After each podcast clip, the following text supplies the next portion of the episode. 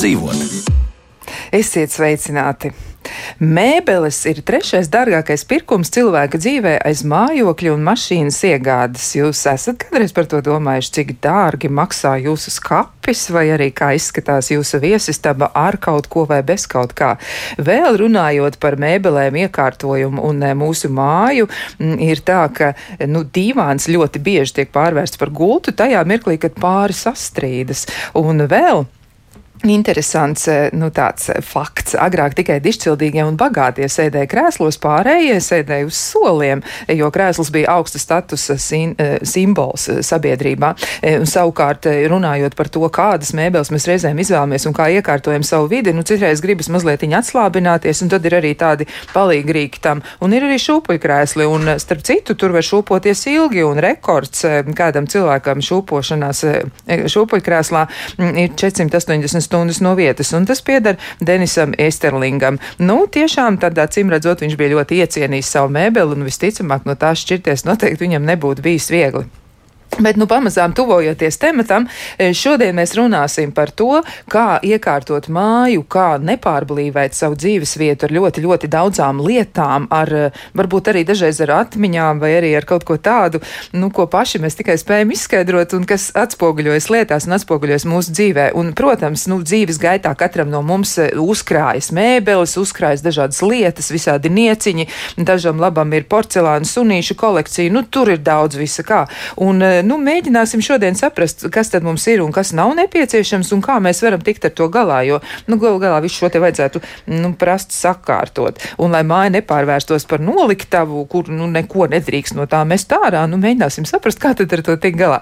Nu, lūk. Um, Un uzreiz arī pieteikšu studijas viesi. Pie mums ir interjera dizainere Vīva Ieviņa. Sveicināti! Labrīt. Pie viena, protams, arī atgādināšu, ka par dizainu šodien interesēsies arī raidījuma producenta Loreta Bērziņa un pie skaņu pulca ir Iveta Zvejniece, kura tieši tāpat noteikti apdomājas par to, kas tad mājās ir. Arī man tas ir aktuāls temats, un es atgādināšu par sevi. Kristiāna Lapiņa šodien runā ar jums, un klausītājs arī noteikti aicinām iesaistīties mūsu sarunā ar savām atziņām, varbūt arī ar saviem, nu, tādiem vērtējumiem, komentāriem, ja kā tad jums iet ar to, nu, kā tad ir ar mājas iekārtošanu. Bet bet dažos gadījumos ir tā, ka mājas pārblīvēšana ar mantām nav gluži tā iemesla dēļ, ka cilvēkam ir grūti kaut ko izmest, vai grūti ir no tā šķirties, nu, tā iemesla dēļ, ka, nu, liekas, nu, tas skats tāds labs, nu, tad es vienkārši viņu tā atstāšu. Un citreiz ir arī tā, ka ir kāds pamatots iemesls, un e, šajā gadījumā mēs sāksim tieši ar šo. Tātad mēģināsim vispirms noskaidrot, vai gadījumā tam, ka mēs māju pārvēršam par noliktavu, nav kāds pamatots iemesls. Un tāpēc arī es gribētu vispirms sākt ar kādu ierakstu, kur, e, nu, speciāli speciāliste, un tā šajā gadījumā būs klīniskā psiholoģija Marija Ābeltiņa. Viņa izskaidros, kādos gadījumos varētu būt tā, ka cilvēkam ir grūti šķirties no lietām. Sāksim šoreiz ar to. Šobrīd es eh, sarunājos ar klīnisko psiholoģu Mariju Ābeltiņu, un eh, es gribētu uzdot jautājumu, kā tad ir, nu, kas ir vācējs, kas raksturo vācēju, tādu cilvēku, kurš eh, apkraujas ar mantām un vienkārši nemet kaut ko ārā, vai arī tas tomēr ir citādi? Ir ļoti svarīgi atšķirt uh, cilvēku, kuram uh, patīk maksimālisms vai daudz, nezinu, mantu, atšķirt no tādas um, patiešām uh, smaga stāvokļa, kas ir uh, patiesībā psihiskā saslimšana. Tas ir mentālās veselības traucējums, kas ir šī te vākšana un, un, un kas prasa tādu, nu, um, patiesībā profesionālu palīdzību, ka tas nav vienkārši, ka man ir daudz mantu. Tāpēc no vienas puses mēs varam būt, nu, tādi piekritēji tam, ka mums ir, um, nezinu, varbūt vairāk grāmatas, varbūt vairāk uh, drēbes un, un, un citas kaut kādas sentimentālās lietas. Ja? Tas nozīmē, ka tagad uh, katram vajag pieturēties pie tāda minimālisma ja, savā, savā dzīves stilā. Bet, ja mēs skatāmies uz šo patoloģisko vākšanu, viņu raksturo tāda uh, pilnīga dzīves telpas piepildīšana ar, ar daž, dažādām mantām. Ja?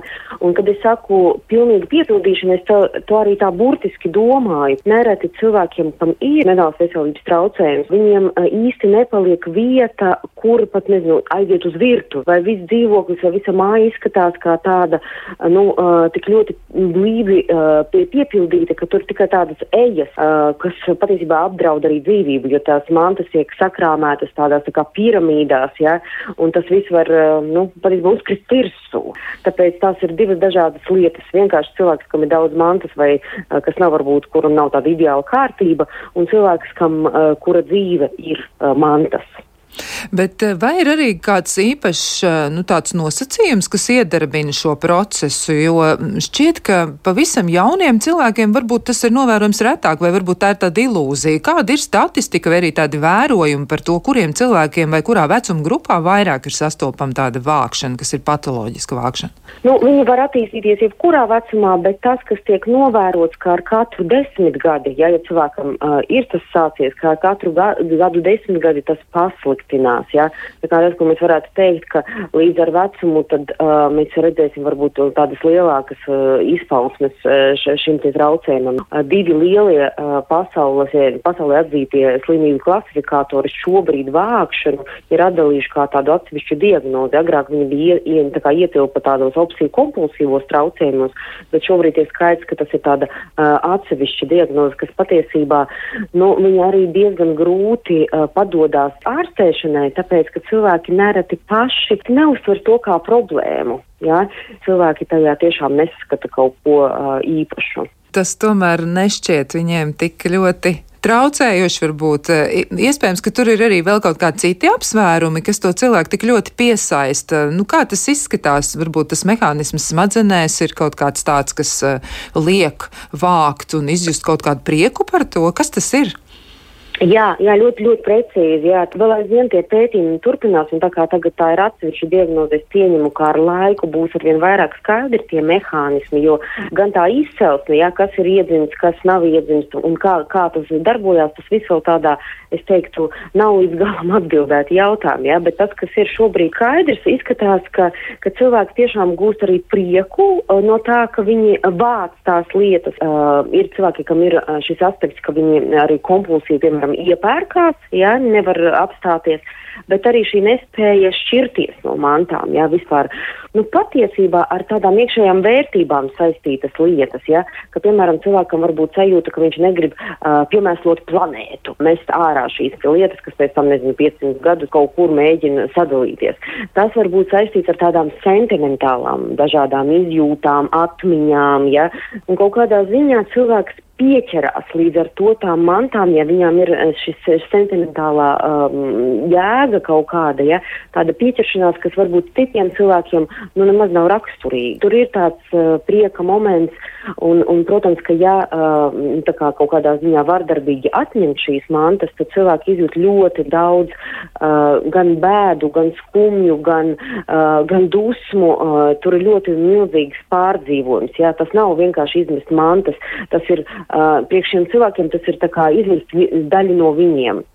Un, protams, ka tad, kad cilvēks ir apjēdzis, ka, viņš, ka, ka tā ir problēma, ka tas ietekmē viņa dzīvi, tad, protams, ka nu, kaut kādā mirklī viņam var nodvarēt prasmes, kā tās sentimentālās lietas, nezinu, kārtot, vai ka no viena pasākuma nevajag glabāt 25 atmiņas lietas, jā, sentimentālas, bet var izvēlēties vienu, jā, nu, ja tu ļoti vēlies.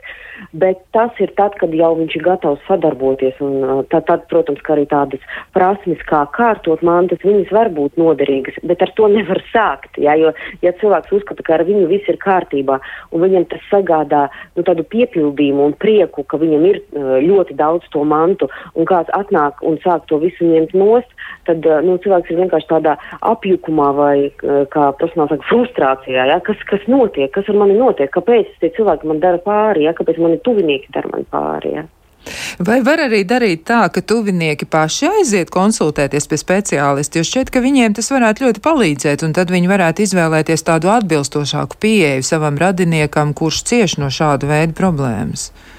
O, jā, noteikti. Pirmkārt, lai uh, izglītotos par šo traucējumu, jā, jo viņš ir sarežģīts, un otrkārt arī, lai saņemtu priekš sevis tādu emocionālu atbalstu, jo tas ja jūs dzīvojat kopā ar tādu cilvēku, vai kaimiņos, vai tiešām vienā saimniecībā, tas ir ļoti grūti arī visiem pārējiem. Ja? Un, un arī tās bezgalīgās cīņas un pārunas gandrīz vai ja?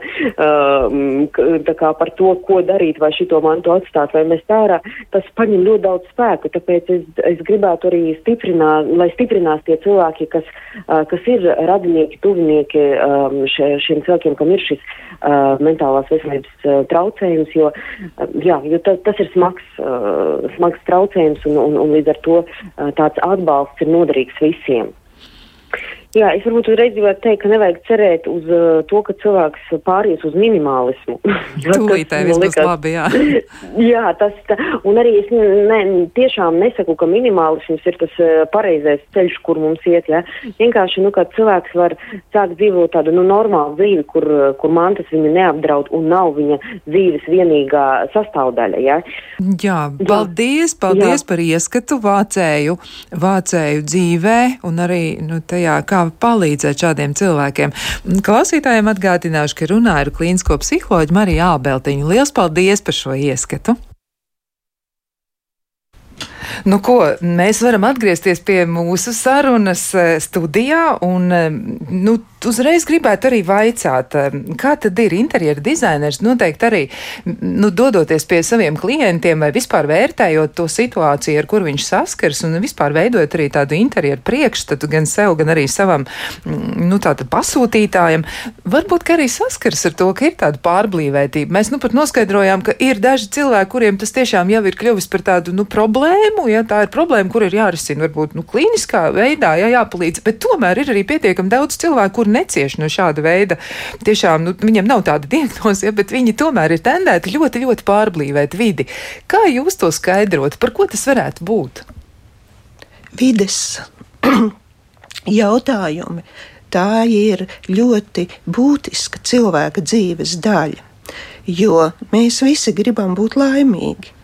Un ir jautājums par to, kas mums sagādā, kas mums sniedz šo laimes sajūtu. Un ir cilvēki, kuri jūtas laimīgi plašās, tukšās telpās, kas paver viņiem iespēju būt brīviem, domāt un izjust labāk savu dzīvi. Un ir cilvēki, kuriem laimīgiem būt palīdz skatīties uz ļoti noteiktiem priekšmetiem, kas rada atmiņas, sajūtas, vai arī rada tieši radošumu sajūtu, jo ir daudz radošu cilvēku, kuri izpaužās izmantojot, otrreiz izmantojot, trešoreiz izmantojot kādas lietas, kas arī mūsdienu ļoti ar atkritumiem pārbīvē, pārblīvētajā pasaulē ir svarīgi. Un man kā interjeru dizainerei, mans tīri profesionālais uzdevums ir palīdzēt cilvēkiem labi justies viņu vidē, labi sakārtot telpu, labi dot šo pamatu, šo telpisko sakārtotību tām lietām, kuras viņiem ir un bez kurām tiešām nevar iztikt jo krāt jau vajag mums katram. Diemžēl mums katram ir jākrāj, jāšķiro atkritumi. Protams, būtu daudz labāk, ja mēs iepirktos pārdomātāk un izvērtētu bez iepakojuma preču iegādi, bet kaut kas jau tomēr paliek pāri, un tā realitāte ir tāda, ka mums ir jākrāj kaut kas. Kaut kas mums ir jākrāj, jā. Um, nu, ir tā, ka mm, klausītāji arī vēl atzīmē arī par iepriekšējo, par šo te ierakstu, par iepriekšējo nu, tādu fokusu, ko mēs paņēmām, ja, ja uzsākām sarunu par mantu krājējiem, ja, ka ir tuvs cilvēks un tieši šāda problēma un nezin, kā palīdzēt, ja, un tur jādzīvo arī bērnam skolniecei, ka tas ir ārprāts. Nu, vēl pievēršoties drusciņ šim, gribu atgādināt, ja tad, nu, tā, tad klīniskā psiholoģija sacīja, ka zelta standarts ir kognitīva behaviorālā psihoterapija, noteikti var mēģināt atrast speciālistus, ja, kas varētu palīdzēt šo risināt. Nu, tas noteikti nebūs tā vienkārši un nav arī tāda universāla padoma. Un arī jā, par, par nu, reālajiem cietušajiem, ja kad neviens palikum, padoms īsti nelikās derīgs, ja, jo nav problēma atzīt problēmu, taču zero waste kustības panākuši savu, nav skaidrības, kur un ko varēs izmest. Bet kā tad tas ietekmē cilvēkus, ja, nu, teiksim, šī kustība, tā noteikti ir mainījusi arī um, interjeru, ir mainījusi veidu, kā cilvēki iekārto savas dzīves vietas. Mm, jā, cilvēki, es esmu pamanījis arī manu klientu pasūtītāju lokā, vairāk domā par to, kā veidot atbildīgāk savu vidi. Un tas tiešām tā ir, un sevišķi arī, ja mēs runājam par šo pašu ļoti būtisko atkritumu šķirošanu, ko šeit jau klausītāji pieminēja. Nu, jāatzīst, ka ļoti daudz vietā nav sakārtota, un lai atbildīgi izmestu atkritumus, ir jāievieš ne tikai trīsdaļīgā, četrdaļīgā, bet vēl vairāk daļīgā šī atkrituma šķirošana un dalīšana, un tā pieder pie mūsdienu realitātes. Jā, nu, klausītāji saka, ka tas ir nopietni un svarīgi, un uh, arī nu, viens klausītājs mums raksta tā, tik daudz runājam par ilgspējīgu dzīvesveidu, dabas resursu taupīšanu liederīgu izmantošanu, un viņš šorīt arī atzīmē, ka mm, vienā no mm, mēdījiem tā tad ir raidījums par to, kā visu izmest, ja, un šodien nevajag, bet rīt daudzas lietas var tomēr noderēt, un ir jau arī cilvēki ar nopietnām veselības problēmām, kurus tiep mājās visu, ko atrod, bet pie atkrituma konteineriem noliktās mans, un tiem ir jāpalīdz. Tas ir skaidrs, to jau mēs izrunājām. Bet kā veidot savu priekšstatu? priekšstatu par vidi katram pašam, jo jūs ļoti, manuprāt, precīzi aprakstījāt to, ka ir cilvēki, kur veido attiecības ar telpu, varbūt vairāk, un, un brīvības izjūtu, un ir cilvēki, kur veido attiecības ar lietām, un tur viņi nu, saņem šo atgriezenisko saiti. Bet, um, Ko darīt tad, ja cilvēks ir ļoti pieķēries lietām? Viņam tā tiešām nav tāda klīniska problēma, bet viņš tomēr nevar īsti tā atbrīvoties. Kā jūs eh, atrodat to, nu, to veidu, kā viņu uzrunāt un palīdzēt viņam iemīlēt arī telpu, nu, to plašumu? Es vienmēr mēģinu, uzsveru vārdu mēģinu, savus klientus nemācīt un neaudzināt, bet palīdzēt viņiem Jā, mans darbs ir ļoti līdzīgs. Strādājot ar ģimenēm, līdzīgs kā psihologam. Es uzdodu jautājumus un gaidu, lai cilvēks pats pieņem atbildes, un es rosinu piedāvāt dažādas iespējas, vai tiešām mēs šeit liksim šo skapi, vai mēs šeit iekārtosim šos plauktus, jo iespēju ir ļoti daudz un dažādu. Un tiešām mēs šobrīd dzīvojam laikā, kad iekārtot telpu.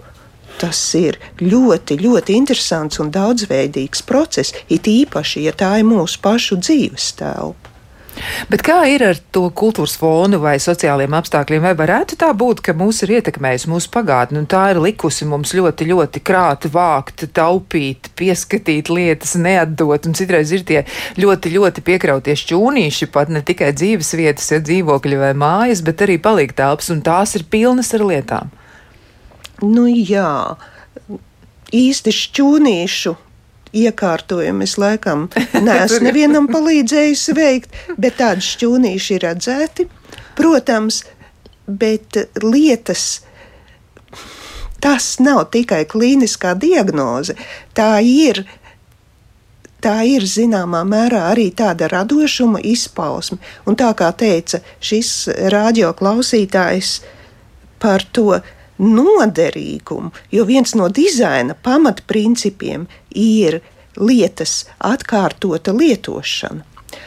Un tāpēc es tiešām gribētu aicināt radioklausītājus ļoti pārdomāt savus iegādāšanās paradumus, izmantot lietas no labiem, jāsaka, varbūt pat dārgiem, dabiskiem materiāliem, kuras būs lietojamas, lietojamas un ilgstoši lietojamas, lai mums mājās neuzkrātos grabažas, nieki, ātri sametamas. Es domāju, ka šī raidījuma būtība nav stāstīt par to ātri nopērku un tūlīt tieku vaļā, lai telpa būtu tukša, bet par to, ka mēs mēģinām kaut kādā veidā pārskatīt savu dzīves dzīves paradumus, e, to, ko, kas mums patiešām ir nepieciešams un no kā mēs varētu atteikties.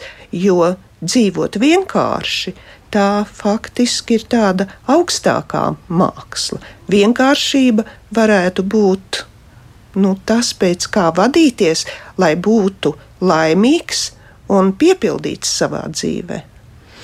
Jā, nu, arī par, par to, kā varētu kaut ko risināt. Arī tāds padoms, tas gan nav, piemēram, šajā gadījumā par mēbelēm, bet par drēbēm. Un eh, viena klausītāja nu, tādu ļoti jauku, manuprāt, noderīgu padomu dod.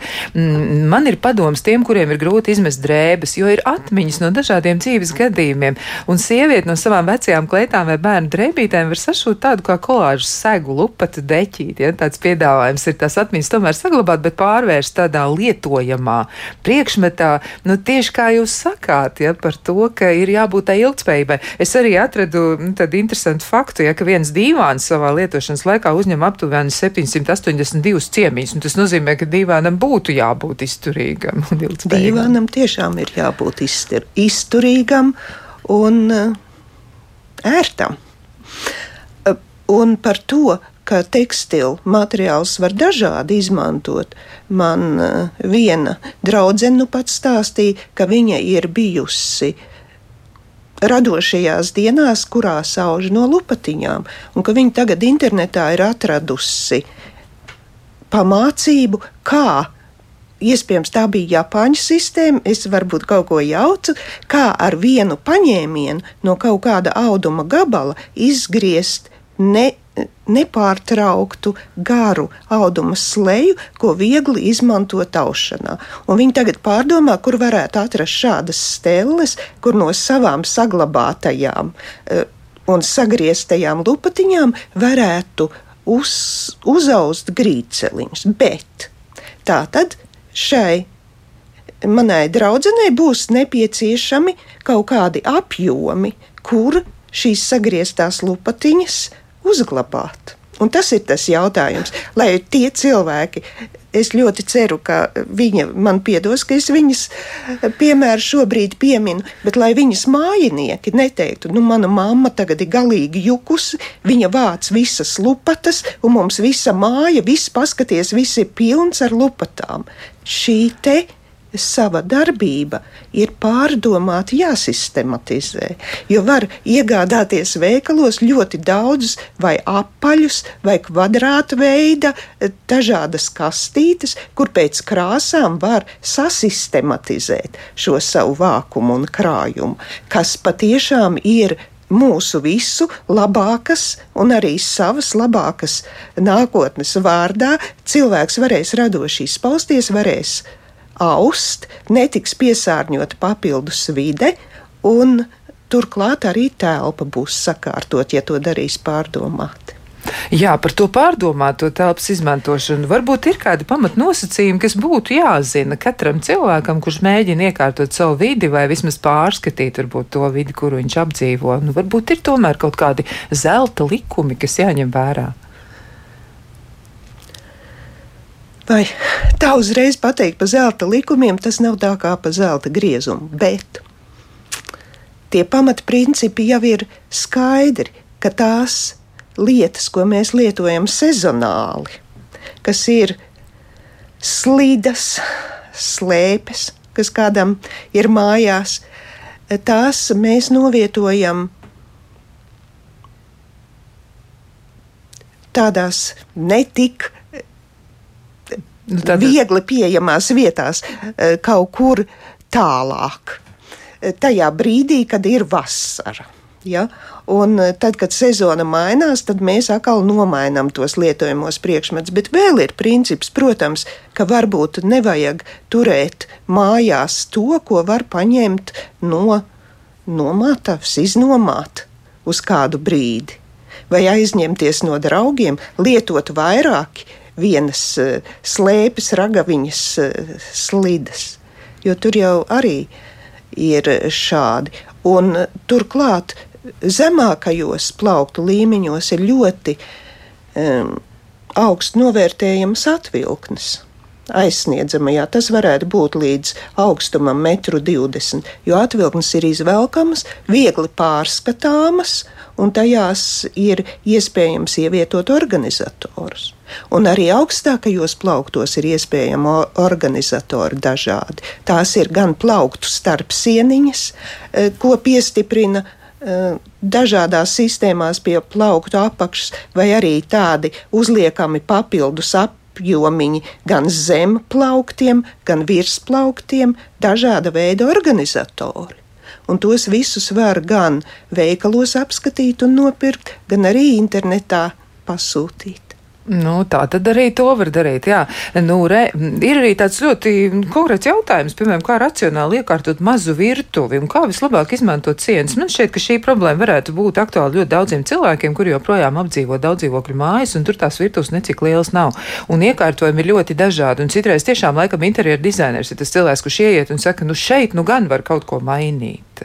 Kas ir tur tāds ļoti būtisks, ko būtu vērts tomēr apsvērt un paturēt prātā? Jā, Un vienmēr ir ļoti grūti uz sevi un uz savu dzīvi paskatīties no malas, jo man tā ir ērtāk, jo es vienmēr tā esmu darījis. Un tad ir jāsāk tieši ar funkcionālo plānojumu un tām savām pamatdarbībām, kas virtuvē notiek. Kura ir tā vieta, kur es pēc e, iegādāšanās nolieku savu iepirkuma maisu, un kā es izvietoju jaunatnestos produktus, kur ir tā vieta, kur es viņus mazgāju, tos mazgāju, un kā tiek produkti ērti uzglabāti. Un arī sagatavošanas zona, eh, lai tā būtu pieejamā augstumā un ērti lietojama. Un tāpat eh, tieši pārdomāt visas darbības, sarakstīt secīgā kārtībā un mēģināt izkārtot tā, lai tas patiešām būtu ērti. Nu, tā nav reklāma, bet es šādos gadījumos ir iespējams paaicināt arī speciālistu, šī gadījumā interjeru dizaineru, kas konsultācijas kārtībā, ja ne, ja ne citādāk. Tomēr ievieš šo skatu, skaidrību no malas, kā tas būtu šajā virtuvē racionālāk. Jo savā darbā es varu teikt, ka iekārtot mazas telpas ir grūtāk un sarežģītāk nekā iekārtot lielas telpas. Tas gan ir tiesa. To es esmu dzirdējusi arī no citiem speciālistiem. Jauki, ka jūs arī to atzīmējāt. Tas tiešām ir tāds ļoti sarežģīts uzdevums. Man liekas, ka internetu dizaina reizēm paveic brīnumainas lietas. Nu, viens no klausītājiem arī uzraksta, ka plauktiņu sistēmas nepalielina dzīvokļu kubatūru. Tas nu gan ir tiesa. Bet, ja, piemēram, jūs paceļat grīdu, grīdas līmeni un eh, varbūt uzliekat divānu vai gultu tur virsū un apakšā jums ir atvilknes liels, kuras jūs varat lietot, tad gan tā kubatūra tādos citu palielinās, vai ne?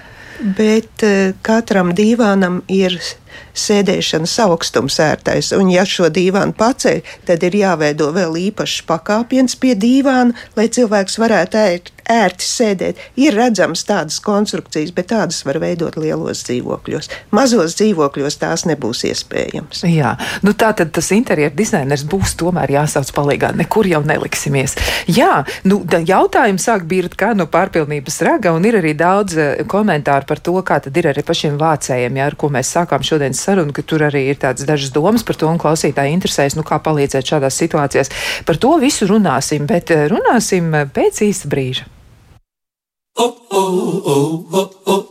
Kā labāk dzīvot? Turpinām sarunu par to, kā iekārtot vidi, kā to nepārblīvēt ar lietām un kā veidot attiecības ar eh, to vidi, ko mēs apdzīvojam. Un, eh, jā, patiesi ir ļoti daudz dažādu komentāru klausītājiem, gan atsaucoties vēlreiz uz to, ka ir tiešām arī tādas, nu, nosauksim tās par tādām varbūt nu, patoloģiskām situācijām, gluži tā negribas eh, tā bieži to apzīmēt tādā veidā, bet tā nu, tas ir, ka reizēm cilvēkiem ir grūti tikt galā ar to vākšanas mm, kāri, ja jeb tādu tieksmi. Un ir arī, protams, situācijas, kur eh, nu, cilvēks tā dzīvo. Ja? Mēs eh, arī par to varam apspriesties, kā tas ir, jo nevienmēr tas nozīmē kaut ko tiešām nu, tādu mm, klīnisku problēmu. Tā nav. Ja? Bet um, vēl ir tāds ļoti jauks komentārs no viena no klausītājiem, tāds pagažs, bet es tomēr nolasīšu. Um, uz šo jautājumu vajag paskatīties no mazliet citas puses. Latvijas tas lielākoties ir viensētnieks un introverts. Ja kādas lietas, kuras būs nepieciešams nav tavos krājumos, tad to būs jāiet aizņemties vai pirkt vai no radiem vai kaimiņiem vai nomas punktiem, ja veikaliem. Pirmajā gadījumā radiem vai kaimiņiem, kas tev kā introvertam liek kļūt par komunikācijas iniciatoru, turklāt lūdzēja pozīcijā, kas nebūtu nu, patīkami. Ja, Tātad to nemaz nav tik viegli izdarīt.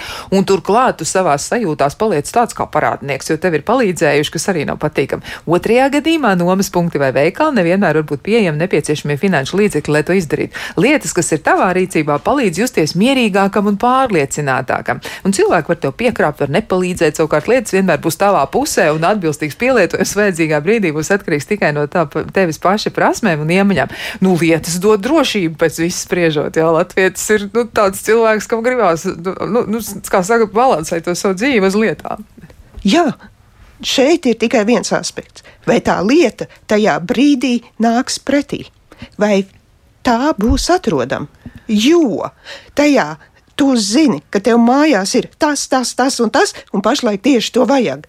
Un tu dodies pie sava plauktiņa, skapīša, izņem visu ārā, vēlreiz izņem visu ārā, un tieši tā, ko tu meklē, tur nav. Vienkārši nav. Un tu prasi visiem saviem mainiekiem, kur tas atrodas, kā tur nav. Bet tu zini, ka tev ir, un tev pat ir pieci, seši vai septiņi, bet tu nezini, kur.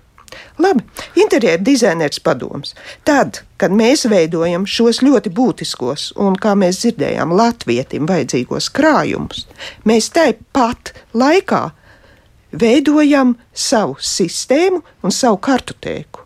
Un ļoti vai nu rakstveidā, vai nu savā elektroniskajā piezīmju blociņā, vienalga, jebkādā veidā atzīmējam, kur mēs šīs lietas noliekam, kur mēs tās glabājam. Jo citādi šis ļoti vajadzīgo lietu krājums mums neko nepalīdzēs. Ja tas mums ir mājās, bet mēs to nekādi nevaram atrast. Jā, varam apmaldīties paši savā trijās vai piecās koku karotēs, nekur nevar dabūt rokā, kur tad viņas ir palikušas. Mums ir kāds klausītājs zvans, un eh, mēs šajā brīdī arī varam atbildēt un uzklausīt lūdzu. Mēs jūs klausāmies! Labrīt! Uh, viena lieta netika apspriesta. Jo kas ir mēbeles? Mēbeles var salīdzināt ar LEGO. Piemēram, ja? mēbeles var salikt. No mēbelēm var uztaisīt kaut ko ļoti interesantu, un es pa, uh, pastāstīšu savu stāstu. Ja? Mēs, piemēram, ar savu draugu dzīvojam vienā stāvā dzīvoklī, un tad īstenībā mums ir tā, ka Tur, kur var satikties cilvēki, pasēdēt, varbūt mazliet arī iedzert kaut ko grādīgo. Ja?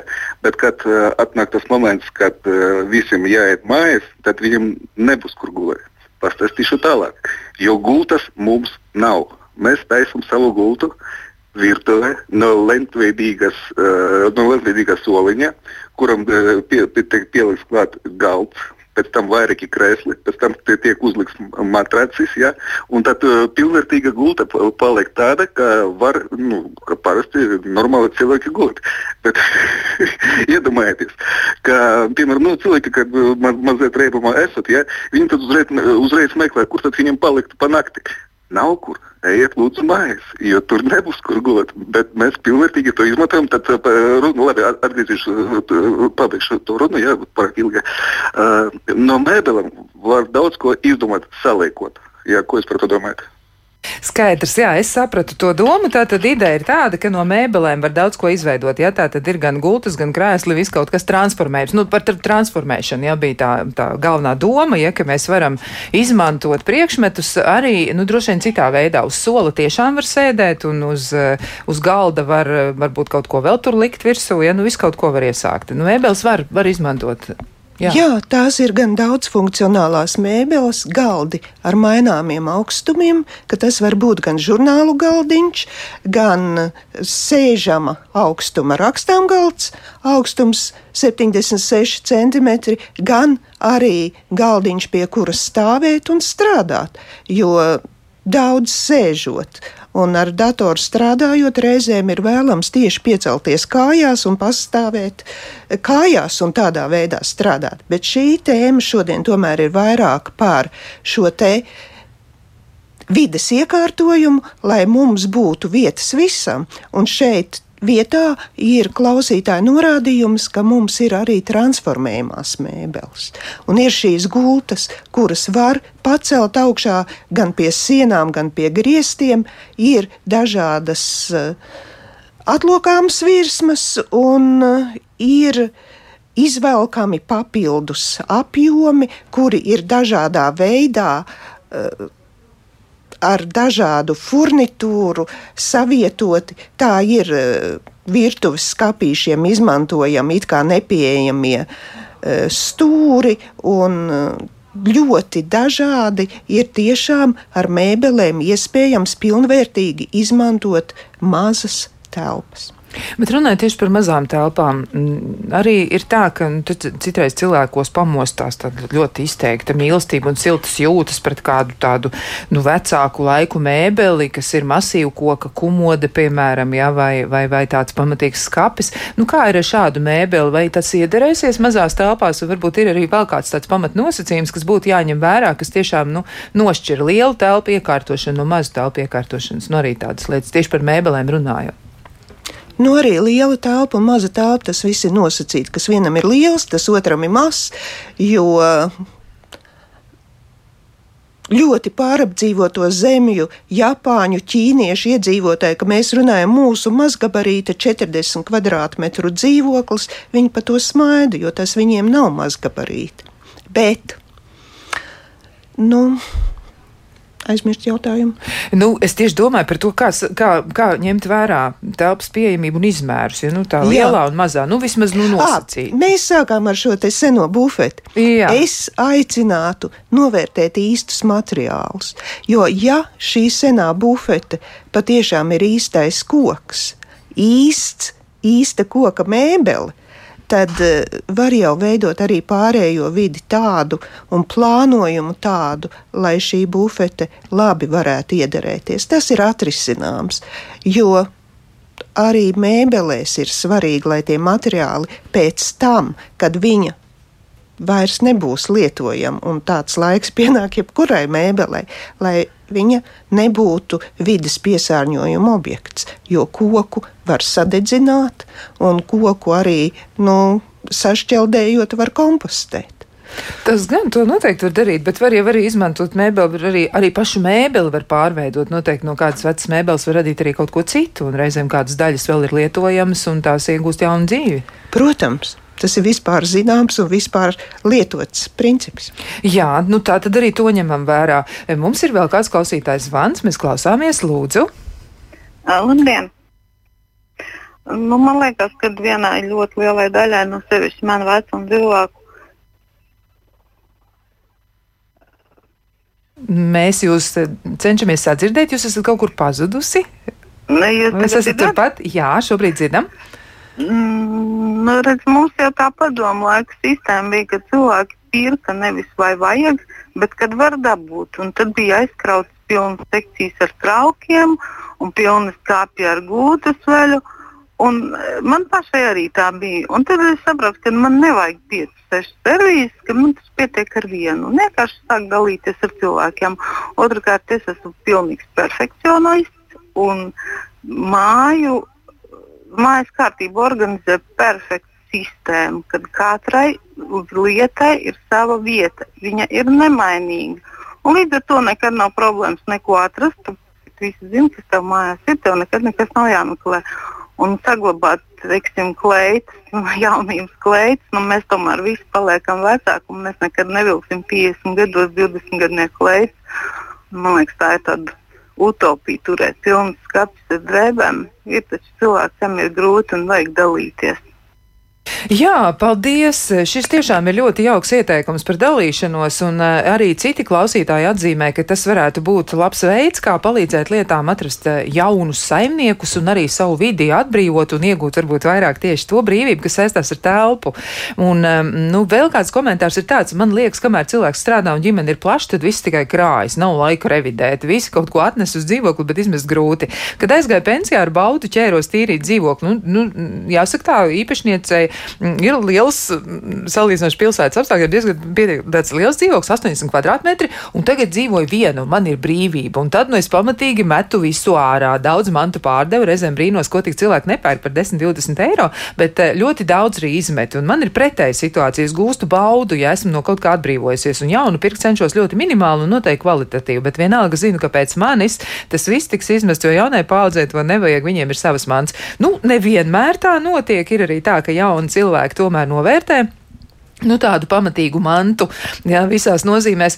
Un, um, tomēr citreiz arī tā ir, ka tiešām kaut kas tiek eh, mests ārā, un arī viena no klausītājiem atzīmē, ka, lūk, tie visi rokdarbi arī vairo nevajadzīgās mantas. Ja man pēc mammas palika kaudzes tamborē madīm arī austu mantu, kuras es nelietoju dzīvoklī, pamazām dalu interesantiem, bet daudz arī izmetu. Nu, nesak šis viss tās mēbeles ar tiem rokdarbiem. Nu, man jau liekas dikti žēl, nu, tā sirds ļoti sāp, nu, tāds skaists galdauts, un, ja, ja mēs paši to nelietojam, varbūt tiešām ir vērts to dot citiem cilvēkiem, viņi atradīs atradīs vietu šim priekšmetam. Jo skaisti galdauti tie izdaļo telpu, jo skaistas lietas, kas kādam patīk, nu tās rada šo dzīves piepildītības un prieka sajūtu. Un, nu, tas arī ir par to, kā cilvēki piepilda savu brīvo laiku, ko viņi dara brīvajā laikā. Un bieži vien tieši mājoklis ir vieta, kur mēdz nodarboties ar saviem hobijiem. Un katram hobijam ir nepieciešami kādi materiāli, un līdz ar to tas, kas vienam ir liekas, ir tiešām jāpiedāvā. Ir daudz interneta, internetā vietnes, kurās atdodu, pārdodu, mainu, labi dzīvot tādā un tādā apkaimē. Nu, ir iespējas, ir iespējas dalīties, jo lietām ir jādod otra iespēja, otrs mūžs. Labi adījumi, labi tamborējumi, tie var pirmkārt kādu iepriecināt, un otrkārt tie var būt izējumateriāls kādam citam, varbūt mākslas projektam. Arī tiesa. Bet varbūt vēl tomēr ir kādi tādi nosacījumi, kurus jūs ieteiktu ņemt vērā tiem cilvēkiem, kuri vēlas padarīt savu dzīvi, nu, burtiskā nozīmē vieglāku, ja atbrīvoties no dažām lietām. Pieņemsim, ka viņi tiešām rīkosies, nu, tā atbildīgi, ja viņi tiešām saprātīgi izmantos, eh, nu, tos resursus, ja, un, un, un tiešām ņems vērā visus tādus ekoloģiskos pamatnosacījumus, kas mums visiem šobrīd ir ļoti svarīgi. Bet tomēr, kas ir tādi pamatnosacījumi, ko jūs piedāvāt apsvērt? Mēģinot mainīt telpu? Svinot savas dzimšanas dienas, ciemiņiem jau iepriekš ieteikt, ka jūs nevēlaties dāvanas, piemēram. Jo mums e, varbūt lielākais izaicinājums ir nevis tikt galā ar to, kas mums jau ir, bet izveidot nosacījumus, lai mēs aiz labas sirds un nespējot atteikties šos savus nevajadzīgos iekrājumus, lieku priekšmetu veidā nepavairot. Jā, nu tad, tad trīs termosi jau nebūs vajadzīgi, vai ne? Ja cilvēks dzīvo viens, varbūt viņam tiešām pietikt ar to vienu. Uh, jā, labi. Kas vēl? Vēl?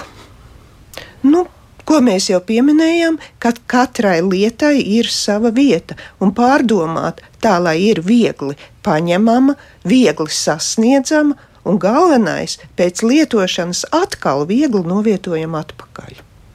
Ērtums lietošanā.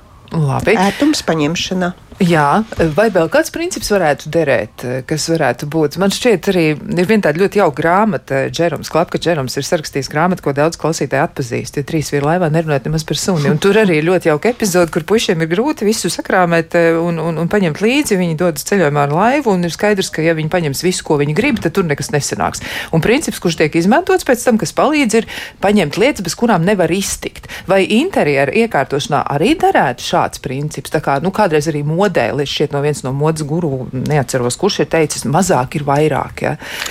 Jā, nu šeit jau parādās tā pamata problēma, ka kopā dzīvojot, ģimenē bieži vien katram ir tas savs, bez kura tu nevari iztikt.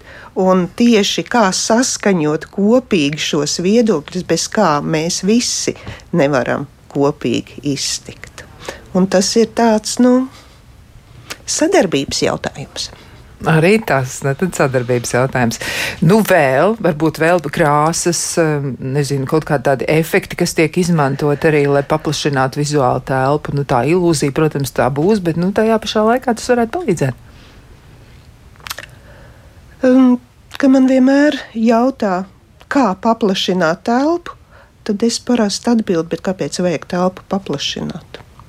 Mēs varam uzskatīt, ka arī mazs ir labs, ka arī mazs ir skaists un vienkārši ir jauks un brīnišķīgs. Un tieši kā šī klausītāja teica, ka viņai baudu sagādā sakārtot savu vidi un atbrīvoties no šīm mantām un iegūstot savā uh, ikdienā jaunus paradumus, mēs arī mainām savu prieka gūšanu savotu varbūt.